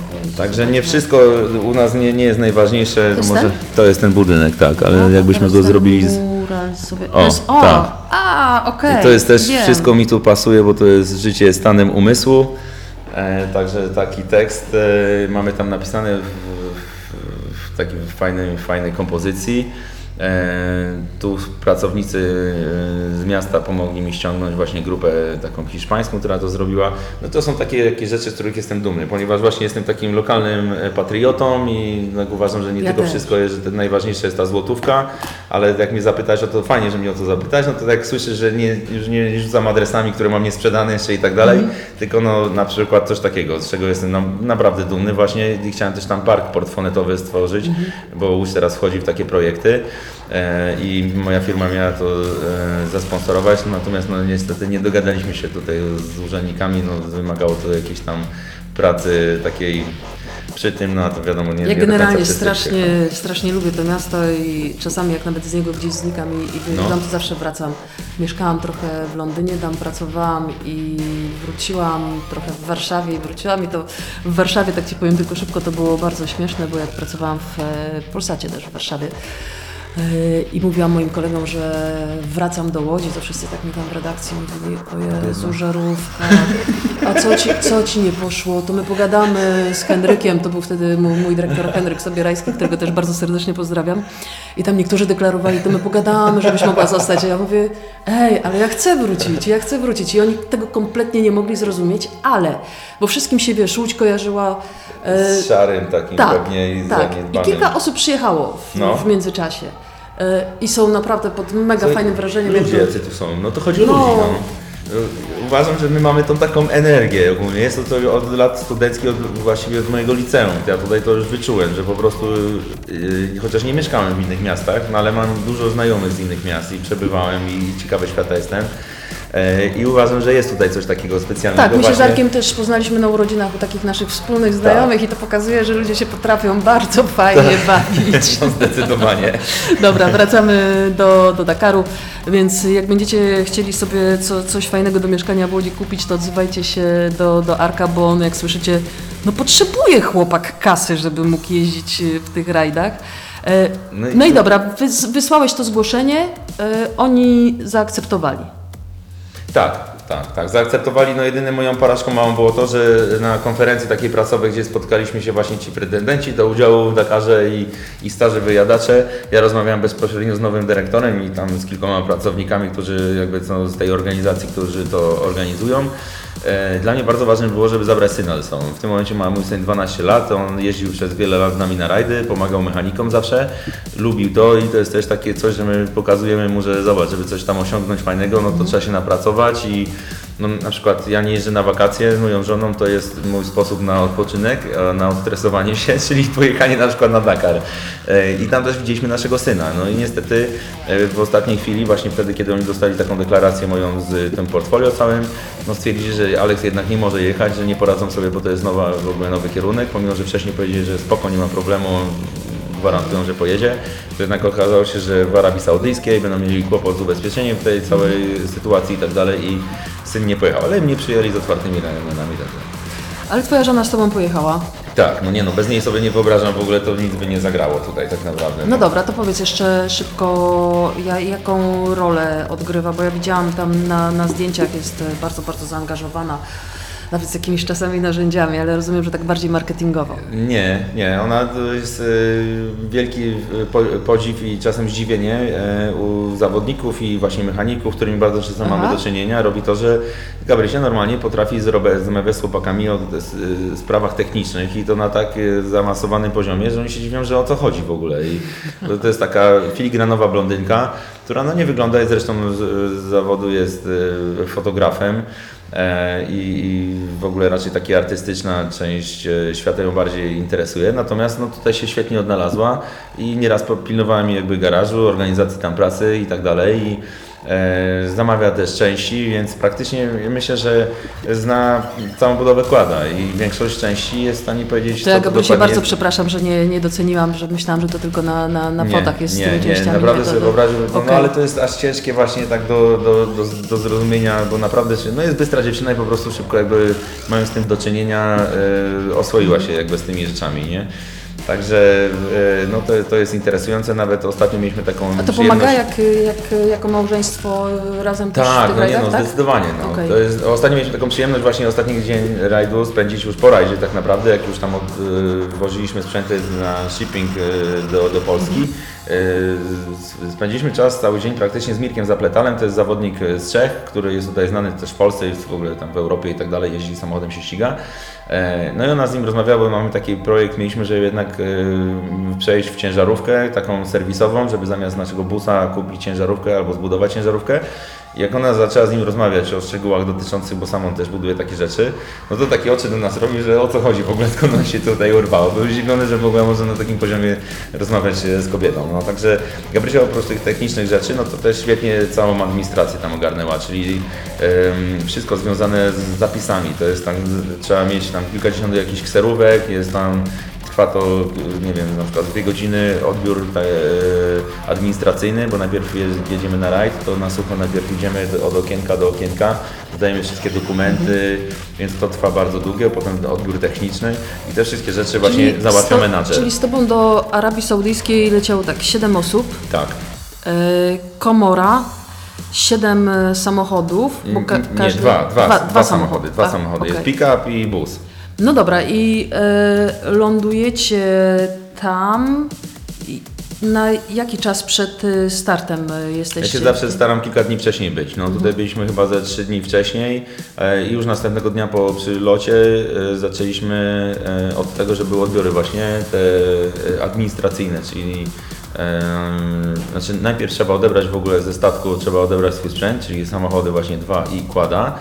E, Jednego miałeś kłada na Dakarze? Jednego, bo nie można mieć Nie dwóch, można, trzeba tak? mieć jeden sprzęt, tak. Możesz, ja mam tak naprawdę przynajmniej jeszcze jednego w częściach, ale mm, większość części wymienia sobie bezkarnie, natomiast wymiana na przykład silnika kosztuje Cię 15 minut y, kary czasowej, jeżeli wymienisz drugi raz silnik, to leży chyba godzinę dostajesz kary, także to są pewne ograniczenia, na pewno nie możesz mieć drugiej zupełnie jednostki, no bo to też jest ważne, że oprócz Ciebie Ty musisz cała przyjechać, ale kład, na którym wystartowałeś ma też przyjechać do mety. Okej. Tak ogólnie patrząc. e, przyjeżdżasz, ile jest odcinków? Ile dni trwa taki rajd? Konkretnie Dakar trwa, y, ma 12 odcinków specjalnych, y, rozgrywanych przez 13 dni, ponieważ mamy jeden dzień przerwy, my chyba mieliśmy w 6 czy w 7 dniu mieliśmy dzień przerwy, e, to był taki do, właśnie dzień do zregenerowania się i tak dalej, no myśmy, mieliśmy kupę fajnych pomysłów jeszcze przed Dakarem na to, jak zagospodarujemy ten dzień, no nic z nich nie wypaliło, po prostu pracowaliśmy jak codziennie, robiliśmy testy i tak dalej, i różne tam rzeczy. No i co? I, e, no, też sądziliśmy, że ja miałem od początku problemy techniczne właśnie z kładem ogólnie, bo była taka sytuacja, że e, ten kład był wysłany właśnie do Atakamy e, na Puchar Świata i on miał we wrześniu, we wrześniu miałem wziąć udział właśnie w tym pucharze, sprawdzając jednocześnie tą nową konstrukcję i te różne nowe elementy, które wcześniej nie występowały od producenta, czy one zdadzą egzamin. Niestety no ja miałem ten wypadek, e, a potem w Chile były wyjątkowe strajki, takie od kilkudziesięciu, kilkudziesięciu lat, które się nie zdarzały. Przez to mój kład o dwa miesiące za późno przypłynął już tutaj do Polski. Miałem tylko kilka dni na to, żeby go przygotować już pod sam kąt, pod kątem Dakaru. No i problemy rzeczywiście wyszły związane z elektroniką i one się ujawniły już na samym razie. I my codziennie próbowaliśmy... Na pierwszym etapie. Już na pierwszym etapie i codziennie próbowaliśmy tam robić wszystko yy, w serwisie, żeby, żeby jakoś tego uniknąć, wyjść temu naprzeciw. Oprócz tego tutaj pracowało kilka ludzi i w Polsce, i w Austrii, i ogólnie jeszcze wszędzie, gdzie mieli cokolwiek ze mną do czynienia, no to siedzieli, główkowali i myśleli, co tu można zrobić. No ale No dobra, do końca to- nie to- rozwiązaliśmy tego problemu. Dobra, to powiedzmy jak wyglądał ten y, pierwszy etap, czyli pierwszy dzień Twojego startu. Y, Ja pamiętam, że nawet y, wieczorem gdzieś próbowałam sobie sprawdzać i nie było wiadomo, czy Ty w ogóle ten etap ukończysz. No, to było naj, naj, najbardziej dramatyczne tak naprawdę, czyli ja wyprzedzając e, kilka kładów, ponieważ startowałem jako rookie, czyli taki żółtodziób na tym razie z ostatniej pozycji e, i już e, po, jak wyprzedziłem tam kilka, kilka zawod, kilku zawodników, Miałem ostatniego z tego takiej części peletonu do wyprzedzenia. On się nie dał wyprzedzić i albo mogłem ryzykować, że mu się tam coś stanie ogólnie, ale nie z mojej winy, albo po prostu uciec w swoją stronę. Ja uciekłem w swoją stronę, bo nie chciałem mieć na sumieniu tego gościa i no niefortunnie strasznie poleciałem w tak kamienie, że zniszczyłem sobie od razu felgę, oponę i zacisk hamulcowy. Na którym kilometrze to było? 24 km. Także sam początek sam- po prostu z. Dakaru, który ma Okej. 8 tysięcy km do przejechania. I wtedy ja cały czas w głowie miałem, dobra, jest spokojnie, masz 8 tysięcy km. Mówię z trenerem mentalnym, kilka miesięcy e, przygotowałem się do tego też, żeby, żeby tutaj się nie spalić na samym początku. No i ten sam początek i kurczę, stała się taka sytuacja. I szybko prze, musiałem przerewidować moje jakby e, plany, czyli plany Ile na ten początku. odcinek miał? 700 km? Nie, ten to miał. co? No, a nie, miał ponad 700 Ponad km. 700 Tak, on miał ponad kilometrów 700 chyba. km. I sam odcinek specjalny miał 450 coś chyba kilometrów. E, I pamiętam, że ja chyba kilka sekund zajęło mi coś takiego, że tak, o kurczę, no to już nie walczymy o to piąte miejsce w Dakarze, już nie interesuje mnie co jutro jaki będzie odcinek, tylko muszę zrobić wszystko, żeby dzisiejszy odcinek skończyć i przed y, czasem y, dojechać, żebym mógł kontynuować już wyścig dalej od następnym dniu i żebym nie był zmuszony do tego, żeby pakować manatki i wszyscy A zaangażowani jaki w to, miałeś czas? Bo się musisz zmieścić, na każdym etapie musisz się zmieścić w jakimś czasie, później E, dyskutować. Prawie na każdym. Na większości etapów jest wyznaczone tak zwane okienko czasowe. Czasami jest tak, że na połowie etapu nawet jest wyznaczone. Czyli na przykład do godziny 14 musisz dojechać na 320 km, załóżmy, albo do 21 musisz dojechać, załóżmy, tam na, na finish danego odcinka. E, Wtedy pamiętam, to było coś koło godziny e, ós- 9 czy 10 e, wieczorem. No i jechałem tak na początek jeszcze, ja już wiedziałem, że będą miał duże kłopoty, bo mam takie doświadczenie, no jechałem nieraz tam z rozwaloną oponą, rozwalonym kołem, jeszcze tutaj bez hamulców tylnych. Wiedziałem, że już będą kłopoty, no ale co 100 km już tego koła coraz mniej zostawało i w momencie, kiedy już ono w ogóle się do niczego tam prawie nie nadawało, to już wtedy z mojego dość, bo wcześniej jeszcze próbowałem jakiś ten, jechać z jakimś tempem w miarę sensownym. W związku z tym to zepsute koło miałem na tyle, a mi dobrze się kierowało przodem. Ale potem jak już widziałem, że z koła praktycznie nic nie zostało, koło zostało przerzucone naprzód, no on jest lżejszy po prostu i wtedy gorsza jest dużo trakcja, bo em, ciężko się kieruje, ale znowu napęd i tak dalej działa odpowiednio, bo, no, bo jest z tyłu właśnie i tam jest e, większe Ile obciążenie. zmieniałeś razy koło tego dnia? No, Zamieniałeś ja je zamieniałem kilka razy, ze trzy razy zamieniałem to koło, czy cztery razy, bo potem znowu miałem taką sytuację, że mi zawadzała ta rozwalona felga o nacisk ogólnie, więc w ogóle nie miałbym hamulców, więc takich kombinacji robiłem parę razy. Ja nie mam lewarka, więc żeby zrobić taki element, żeby zmienić koło, to trzeba znaleźć skałę, na której kład się da zawiesić. Czyli wjeżdżamy na takie skałę, żeby bezładnie koła sobie leżały, wisiały i ja wtedy załóżmy to przekładam. Także no wymagało to sporo pracy. Ale po drodze stwierdziłem, że bo cały czas tak myślałem, czy jednak ja schrzaniłem, czy źle może wy, wy, wybrałem ogólnie tą strategię na ten dzień. Ale jak zobaczyłem e, Kubę Przygońskiego, też e, po którymś tam już setce, chyba w 300, znaczy chyba na 300 kilometrze mniej więcej, tak, e, e, tak, tak myślę, że to był ten kilometr. No to pomyślałem, że jednak każdemu, nawet najlepszym kurczę, może się takie, taka sytuacja zdarzyć. Bardzo mi przykro też było, bo ja jestem oprócz zawodnikiem, tak jak Tobie mówiłem, że jestem fanem wielkim po prostu i zawodników, i tych sprzętów. No i patrzę, Kuba, e, który mijał mnie właśnie na 30 km, mnie mijał, a tutaj widzę 300 km i on stoi. Także wiedziałem, że była duża awaria, on wtedy zmieniał skrzynię biegów, 2,5 godziny kary. Tak samo jego historia się potoczyła e, na tym Dakarze jak moja, czyli pierwszy odcinek zdeterminował cały tak naprawdę wynik. Okej, to ile Ci zajęło pokonanie pierwszego odcinka? Bo tam chyba nawet organizatorzy chyba nawet y, proponowali Ci już y, zakończenie, tak? tak, dwa razy tam próbowaliśmy ewakuację. Była ciężarówka, która była, miała być wysłana po mnie. To już jest po zmroku, było długo po zmroku. Jak już tam ostatnia ciężarówka, z którą też jeszcze na trasie zostałem, tam próbowała y, gdzieś razem ze mną znaleźć drogę powrotną do domu. Natomiast ona się pogubiła, ja wybrałem inny kierunek i już się wtedy rozjechaliśmy, więc sam zupełnie zostałem na trasie. I po pewnej godzinie, konkretnie 19 każdego dnia, e, organizator wysyła takie koordynaty e, do zawodników, żeby bezpośrednio na azymut można było dotrzeć do finiszu. To jest na, ze względów bezpieczeństwa. Ty i tak karę będziesz miał z tego powodu, że ominiesz kilka waypointów, ponieważ to, że jesteśmy, nawigujemy na tej kartce papieru, na podstawie tej rolki papieru nawigujemy, e, to i tak e, organizator wie, czy przejechaliśmy trasę w, w, mniej więcej na tym traku, który on zakładał, czy nie. Po, na, wie na tej e, podstawie, ponieważ są to takie wirtualne punkty w danych miejscach, gdzie ich urządzenia wykrywają po prostu, że ja tamtędy jadę i odbija mi się taki po prostu e, tak zwany waypoint. E, I potem brak iluś tych waypointów dodatkowo jest podliczany. Każdy waypoint jest warty od 20 do tam godziny, załóżmy, albo dwóch nawet godzin, zależy jaka jest jego waga e, czasowa. Jeżeli Ty masz na przykład brakuje Ci dwóch, trzech waypointów, to do Twojego czasu dziennego odejmowane są załóżmy, nie wiem, brakuje Ci dwa waypointy po 20 minut, więc minut 40 minut. E, I teraz jak ja już byłem tą, miałem już tą końcówkę, organizator wysyłał mi te koordynaty, sugerując, żebym już nie jechał po tej ścieżce swojej e, sugerowanej na podstawie karty drogowej, tej książki drogowej, tylko właśnie na podstawie już tego azymutu bezpośredniego. No ja też tak próbowałem, bo miałem bardzo miałem następnym moim kłopotem było to, że ja brakowało, zaczynało mi brakować benzyny, bo tak jak już wądziłem i tak dalej, to zaczęło mi benzyny brakować.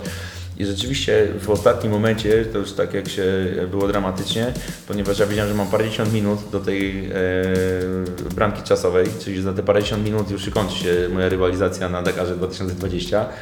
I wiedziałem, że na tym waypoint, jak sprawdziłem, mam około 5 km bezpośredniej e, w, e, na wprost, tak na strzałkę jakbym jechał, to 5 km do finiszu, więc już niedużo.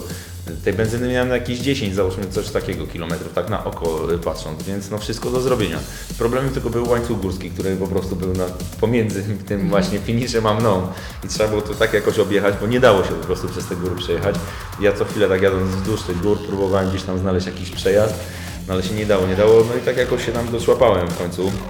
E, W międzyczasie jeszcze, e, bo jechałem potem w roadbooku właśnie, o którym tam mówiłem, to przewija się automatycznie, znaczy ja tu ręcznie przewijam e, przyciskiem, ale elektrycznie mi pcha tą przewijarkę urządzenie i ono jest podświetlane zazwyczaj. Podświetlanie nie działało wtedy, więc nic nie widziałem, ale mam taką zapasową y, czołówkę, więc wyjąłem tam z tych swoich e, zapasów taką czołówkę, którą na kask założyłem. Tą czołówką podświetlałem sobie, żebym widział roadbook i kierunek, w którym jadę i ona też zgasła w pewnym momencie. Mi nawet przewód, nie mogłem przewód nawet znaleźć, żeby to podładować, więc no, miałem takie duże różne problemy i takie przeciwności losu. To- Ale dojechałem tam na ostatnią chwilę i Na ostatnią chwilę to o ile tak się ślizgnąłeś? no tu o parędziesiąt minut, tam pamiętam, A, że to po- okej, to jeszcze miałeś- to- to jeszcze miałeś tragedii nie bezpieczny zapas. Tragedii, tragedii nie było, tylko że ja cały czas się stresowałem tą benzyną. Jak mi tej Mhm. benzyny by zabrakło, coraz mi się zdarzyło też na którymś stage'u, że 2,5 km przed strefą tankowania mi zabrakło benzyny.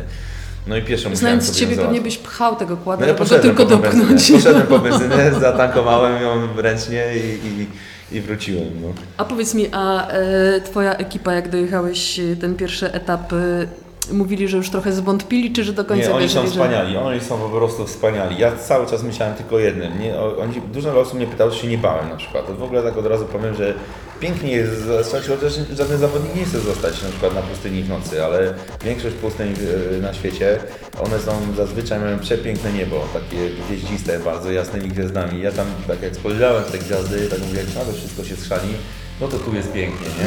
Ale ja bałem się strasznie tego, że po prostu nie wyobrażałem tego, że ja przyjadę e, i będziemy się pakowali do, do domu ogólnie. I wszyscy ci, którzy tu w Polsce pracowali na ten sukces i wszyscy, którzy ze mną byli, no po prostu to było dla mnie najgorsze. Ja, ja wszystkie mogłem, nie wiem, karę cielesną przyjąć jakąś, tylko po prostu, żeby nie powiedzieć im takiej historii. Ale jak przyjechałem, no to, to cała moja cudowna brygada, odtańczyła mi taniec taki e, jakiś tam sobie wymyślili na freestylu. Ja pierwsze co ich zapytałem, to czy naprawdę nie są na mnie źli ogólnie, bo już wiadomo, że schrzaniłem ten wynik, na który tam chcieliśmy utrzymać tam do końca i osiągnąć go. A Oni, nie no stary, wszyscy się cieszymy, ja też zresztą byłem przeszczęśliwy, że wiedziałem, że jutro kontynuuję rajd. No dobrze. Pierwszy etap zaczął się fatalnie, no można tak powiedzieć, tak, fatalnie, tak, tak, fatalnie, tak. bo w ogóle po tym pierwszym e, Masakra. etapie nie, nie rokowałeś, ale ostatni zakończyłeś na pierwszym miejscu, tak? Tak, tak. Mm, To co się działo przez te wszystkie pośrodku, że No, y, ja nie jeden bym tam na pierwszym mie- miejscu skończył, no ale zresztą to znaczy, tak, to znaczy nie wypada tak gdybać ogólnie w, w sporcie. Y, no nie, może inaczej powiem, że no jakieś to ogromne osiągnięcie nie było y, w moim przypadku. Znaczy jakby przy pierwszym etapie rozumiem, że gdyby nie ta awaria, gdyby, gdyby nie ten taki mały wypadek przy tym wymijaniu, to, Tak. to też byś miał dużo lepszy wynik. No zdecydowanie, ale to nawet później dużo ludzi miało problem z nawigacją. Mnie tam się bardzo dobrze nawigowało, to znaczy cała nawigacja tutaj było taki y, coś wyjątkowego niż w pozostałych rajdach Dakar, bo organizator teraz się stara dużo rzeczy takich y, bardziej sportowo zrobić, żeby usprawnić coś takiego, że nie wynik nie tylko zależy od pieniędzy, bo mm, nie można powiedzieć, że tylko, ale no niestety w dużej mierze ma to znaczenie, jaki masz budżet. To, to o czym mówiliśmy na początku, czy pół miliona, czy dwa miliona, o co to chodzi, dlaczego jeden może wydać tyle, a drugi tyle. Wiadomo, że każdy wolałby mniej wydać, ale to chodzi o backup tak zwany, czyli zabezpieczenie. Często jest, jest tak, że są ludzie, którzy jadą jako dawcy za zawodnikiem, czyli mają, są i tak zawod, zawodnik drugi ma wykupiony normalnie udział w Dakarze i on jedzie za pierwszym zawodnikiem swoim najważniejszym, że ma mu za zadanie oddać wszystkie części, które będzie potrzebował ten e, lider. E, zamiast tego często jest tak, że jedzie ciężarówka albo samochód Okej, prostu bo jak ty częściami. jedziesz, dobra, czyli jak y, ty jechałeś, to rozumiem, że y, o, dzwoni mój brat, poczekaj, Proszę. zapytamy go. Cześć Sebo, bo my właśnie nagrywamy ten podcast, więc teraz ty się też nagrywasz. e, Serwus. A, to nic, to nic już. A nie, a słuchaj, bo Serwus, ja, ja, ja, Seba zap- Tuarek. ja, ja zapytałam e, Arka o to, jak pozmieniał e, swojego kłada. Coś jeszcze? Nie, nie, bo widzę, że właśnie na czteronapędowym startował, nie na... sp- Spytaj właśnie, czemu na czteronapędowym, a nie na poczołówkę, raczej na napędem na tulidzie, nie? Tak. No to zobaczysz Seba w, w następnym roku. E, część tej czołówki może zmieni w końcu zdanie i przejdą na czteronapędówki, nie? Bo jestem w stanie tą czteronapędówką ich tam pogonić ostro. A, no to super. No a, a tak ogólnie czemu to wybrałem, to tak pokrótce, to nie wiem, słyszałem, że ty też tak, bo ty na ośce jeździsz czy na czteronapędówce? Tak, tak, nie, to mam taki żółty dziobuk, że tak powiem, bo to jest taki mały... Ale słyszałem, że po błocie zasuwasz czasem. No czasem tak, znaczy odkąd Aha. Że koło się jednak by chyba ukręciło, bo został napęd na jedno koło, także... Jest bardziej zdolny terenowo po prostu, wiesz, przez więcej rzek, błot przejadę, przez więcej takich y, sytuacji, gdzie warunki są mm, Nie, przefatalne. tak, że No, ba- bardziej uniwersalny jest taki, taki czteronapędowy, no tylko że właśnie tak jak patrzę to też coraz bardziej na przykład w samochodach też bagi sobie coraz lepiej, czyli te ośki tylne jakby zaczynają troszkę lepiej. To wiadomo, tam są trochę inne regulaminowe, bo większe koła, większy skok zawieszenia, nie w przypadku Tak, tak, tu, tu, ale to nawet wiesz, Przygoński w tym roku Kuba wybrał, bo też na Pucharze Świata y, w 19 roku jeździł i buggy i jeździł takim 4x4 pod kątem takim, że się przygotował do Da- Dakaru. Dla nich Dakar był najważniejszy i sprawdzali czym lepiej y, pojechać. No, tak jak powiedziałeś, skok zawieszenia jest większy w buggy, y, większą moc nawet mają w buggy, sporo większą moc, bo tam y, w tych 4x4 mają, stosują zwężki. E, ale, e, ale w końcu Kuba Przygoński też 4 na 4 wybrał na przykład na, na Dakar, nie? E, I Tak, ale czemu akurat w przypadku kładu, gdzie tam właśnie nie ma jakichś takich błota, lekaru, gdzie nie ma, gdzie nie ma błota i tak dalej, gdzie jest piach, e, to nie, bo wiadomo, nożka jest trochę lżejsza, nie prościej właśnie wyciągnąć, że tak powiem, rękoma, czy coś. zdecydowanie, no i na pewno na górach ostrych, takich wiesz, wydmach wysokich i tak dalej, ona też ta ośka lepiej funkcjonuje i ośkę możesz w każdym momencie, przy każdej prędkości praktycznie postawić na, e, na koło i przez ko- szkodę zrobić na tyl, przez tylne koła, nie? Co u mnie raczej nie wchodzi w grę. Ale znowu e, mój sobie lepiej radzi, jak jest bardzo skaliste są takie tereny i wiesz, z takimi dużymi wystającymi głazami i skałami takimi to ten kład jakoś ma lepszą trakcję, dużo lepszą trakcję e, i przy wielkich prędkościach e, on też jest taki według mnie bardziej stabilny, nie? E, trochę później się, e, słabiej się rozpędza. Czyli, czyli nawet przy tych większych prędkościach jedziesz cały czas załączonym napędem na 4? A Tak, nie, a nie na przez cały rajd, ale to ze względów bezpieczeństwa, wiesz, bo y, jechałem parę razy, a to z innych powodów, y, bo tam miałem kłopoty takie z check engine ogólnie i tak dalej i starałem się, myślałem, że mam coś też z regulatorem napięcia nie tak i ja parę razy wyłączałem właśnie przedni napęd, tylko z tego powodu, żeby ten regulator napięcia nie był przeładowany, natomiast ogólnie ze względów bezpieczeństwa cały czas jadę na 4, y, dlatego, bo jak czasem się zdarza albo taka hopka, albo niecka, y, która jeżeli się nam źle wybierze, to po prostu jedziesz na czuba takiego, wiesz, że po prostu y, jakbyś leciał na rolkę front flipa, nie? I wtedy, I wtedy jak dasz pełny palnik, się odsuniesz w, e, w miarę możliwości do tyłu i dasz pełny palnik, to jesteś w stanie się tym przednimi kołami wyciągnąć. Tak, bo od razu szarpnie, szarpnie do Tak. przodu. Nie, I to samo jest, i to samo jak przeskoczysz wydmę, bo e, Żarówa właśnie mnie pytała, co jest jak za szybko wjedziesz na wydmę i przeskoczysz szczyt wydmy na przykład. No to się zdarzają czasem tak przy dużym tempie i teraz jak ty to zrobisz ośką, no to już go nie wyprowadzisz. Jeżeli ja to zrobię swoim czteronapędowym, to jest taka technika ogólnie właśnie, że lecisz, no to używam, czasem mi się zdarza, pionowo lecieć na, e, na skarpie takiej właśnie 45 stopni załóżmy i wtedy wiesz, e, dajesz palnik i wyciąga cię przód, nie?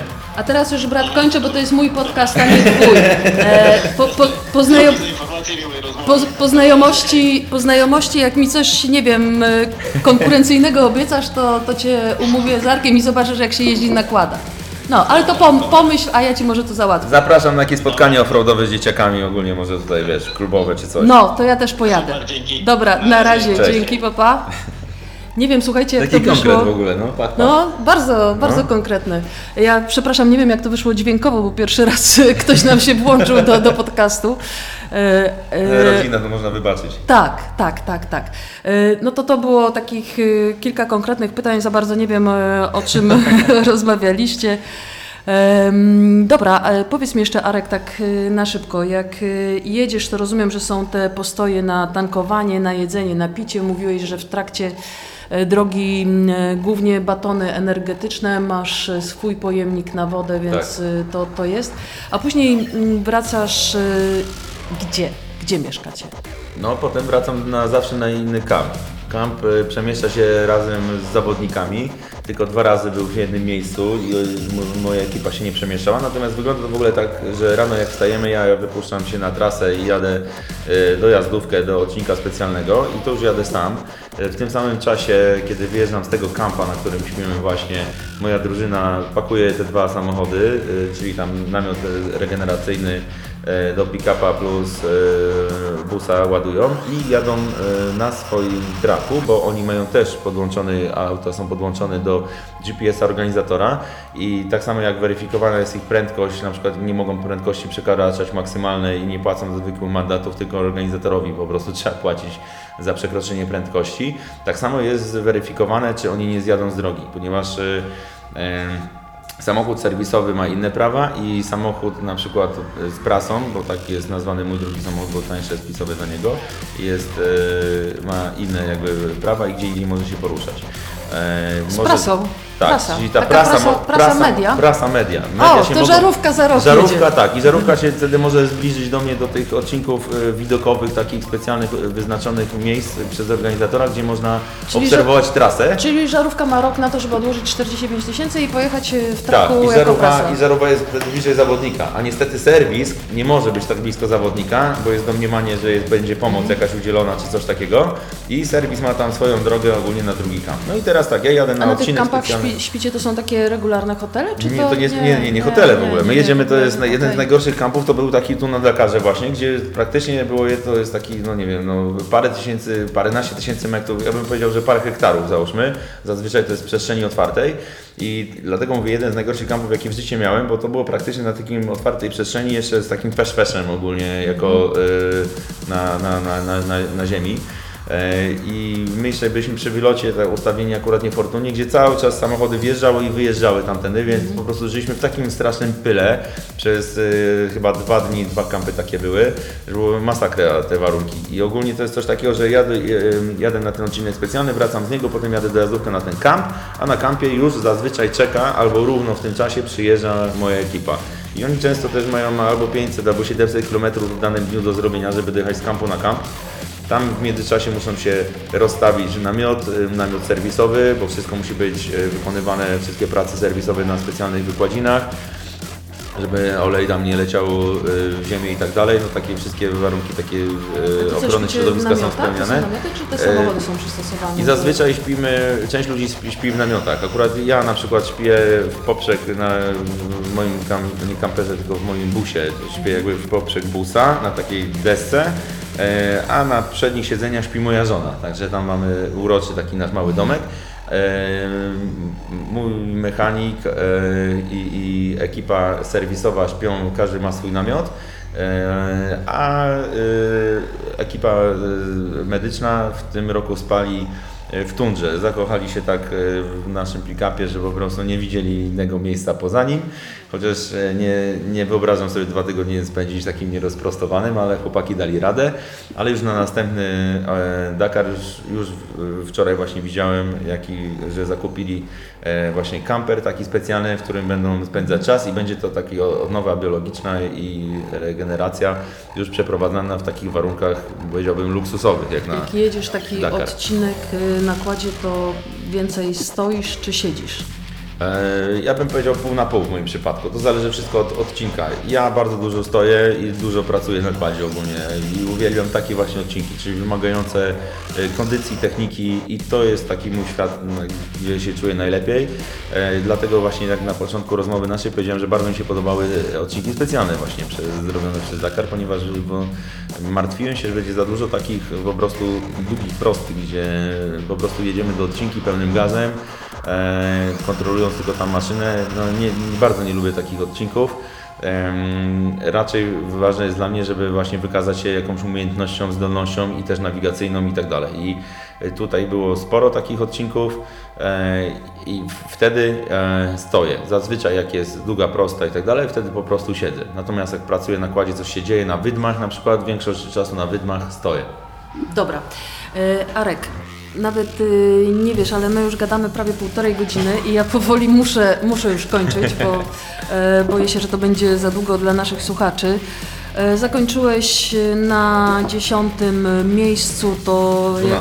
Dwunastym. Dwunastym. 12, tak, 12 generacji. A, okej, no tak, tak, tak, tak, tak, przepraszam, rozmawialiśmy. E, dwu, dwunaste miejsce wystartowało 23, Czterech. czterech. Połowa odpadła, ty byłeś w tej połowie, której się udało, to jest olbrzymi sukces. No jedyny z nowicjuszy, który w ogóle dojechał. No. Było nas kilku tych takich żółtodziobów tak zwanych i ja tylko dojechałem z tych żółtodziobów. Cieszę się, że to mój kolega. e, Okej. E, Miałeś e, jeden etap, wygrałeś, w jednym chyba miałeś trzecie miejsce. E, W jednym miałem trzecie miejsce, tam w dwóch miałem piąte miejsce, miałem też ósme miejsce, także cała ta już druga połowa rajdu szła całkiem Ba- nieźle. Bardzo fajnie. Powiedz jeszcze szybciutko, co, co w tym roku przed kolejnym e, Dakarem. E, W tym roku mam zamiar cały Puchar Świata jechać cross country, tak zwany duży Puchar Świata. No i całe, e, wszystkie te zawody będą właśnie takim dobrym przygotowaniem do kolejnego Dakaru. I my już zaczęliśmy tak naprawdę przygotowania właśnie takie logistyczne do następnego Dakaru. E, Okej, a teraz e, najbliższe, takie najważniejsze dla Ciebie zawody? No najważniejsze, no ja w ogóle się nie mogę doczekać Abu Dhabi Desert Challenge, które za 7 tygodni już się zaczynają. Nie jestem kompletnie przygotowany pod względem e, sprzętu, ponieważ mój sprzęt niestety dosyć późno wraca z Dakaru, a tu bardzo szybko trzeba już e, robić e, odprawę i na statek rzucać e, kolejny. Natomiast e, no jest to szczególne miejsce w moim sercu zajmuje, bo jest przepiękny, tam jest też e, przepiękne są e, klimaty, te, te odcinki specjalne i tak dalej. I fantastyczne jest e, przyjęcie, bo tam ja już w niektórych miejscach wspominałem, że rady się takie dzielą na takie bardzo komercyjne i te takie, gdzie e, całe państwo, tak jak w przypadku tutaj właśnie na przykład e, Dubaju, oni tam, tam się czuję jakbym był gościem w czyimś domu, po prostu, że oni są bardzo szczęśliwi, że Cię przyjmują, a Ty to czujesz, że Ty jesteś gościem u nich i oni się cieszą, że chcesz się u nich ścigać. Tak samo jest właśnie na Silkway Rally, gdzie e, sponsorem jest Gazprom, a właściwie masz wrażenie, że po prostu gospodarzem jest e, Rosja i to oni Cię tam przyjmują i dlatego Silkway Rally jest dla mnie bardzo... A gdzie to- Abu gdzie idzie? Challenge, a Silkway Rally e, idzie przez, zaczyna się w Rosji, przez, w tamtym roku przynajmniej tak było, potem Mongolia i Chiny. I w- Chinach skończyłem właśnie wypadkiem, a w tym e, roku będzie e, Kazachstan. Czad, W ogóle mega także, miejscówka. no nie no, to przepiękne, przepiękne rejony. No i w ogóle bardzo często na tych rajdach też jest fajne, fajną rzeczą, że em, zawsze pokazują, e, starają się organizatorzy pokazać jakieś elementy kulturowe z- danego właśnie miejsca. I to jest coś, no, taki sposób zwiedzania świata, może się dość śmieszne niby, że takie wakacje, ale naprawdę można liznąć troszeczkę kultury i poznać tej kultury, a gospodarze zawsze się starają, żeby właśnie to nam pokazać. I, no, także jak słychać, miejsca egzotyczne i naprawdę no, przepiękne. To ja Ci życzę przede wszystkim e, sukcesów, e, żebyś zawsze stawał na podium. Życzę Ci też, żeby ta Twoja deweloperka się kręciła, bo dzięki temu będzie Ci łatwiej. E, A Ty mi musisz obiecać, że jak już będziesz na pierwszym, drugim i trzecim miejscu, to zawsze będziesz odbierał telefon i będziemy grać kolejne podcasty. No, z największą przyjemnością. Także dzięki za zaproszenie. Dzięki bardzo. Dziękuję bardzo. No, wszyscy na mnie krzyczą właśnie, że za dużo gadam ogólnie.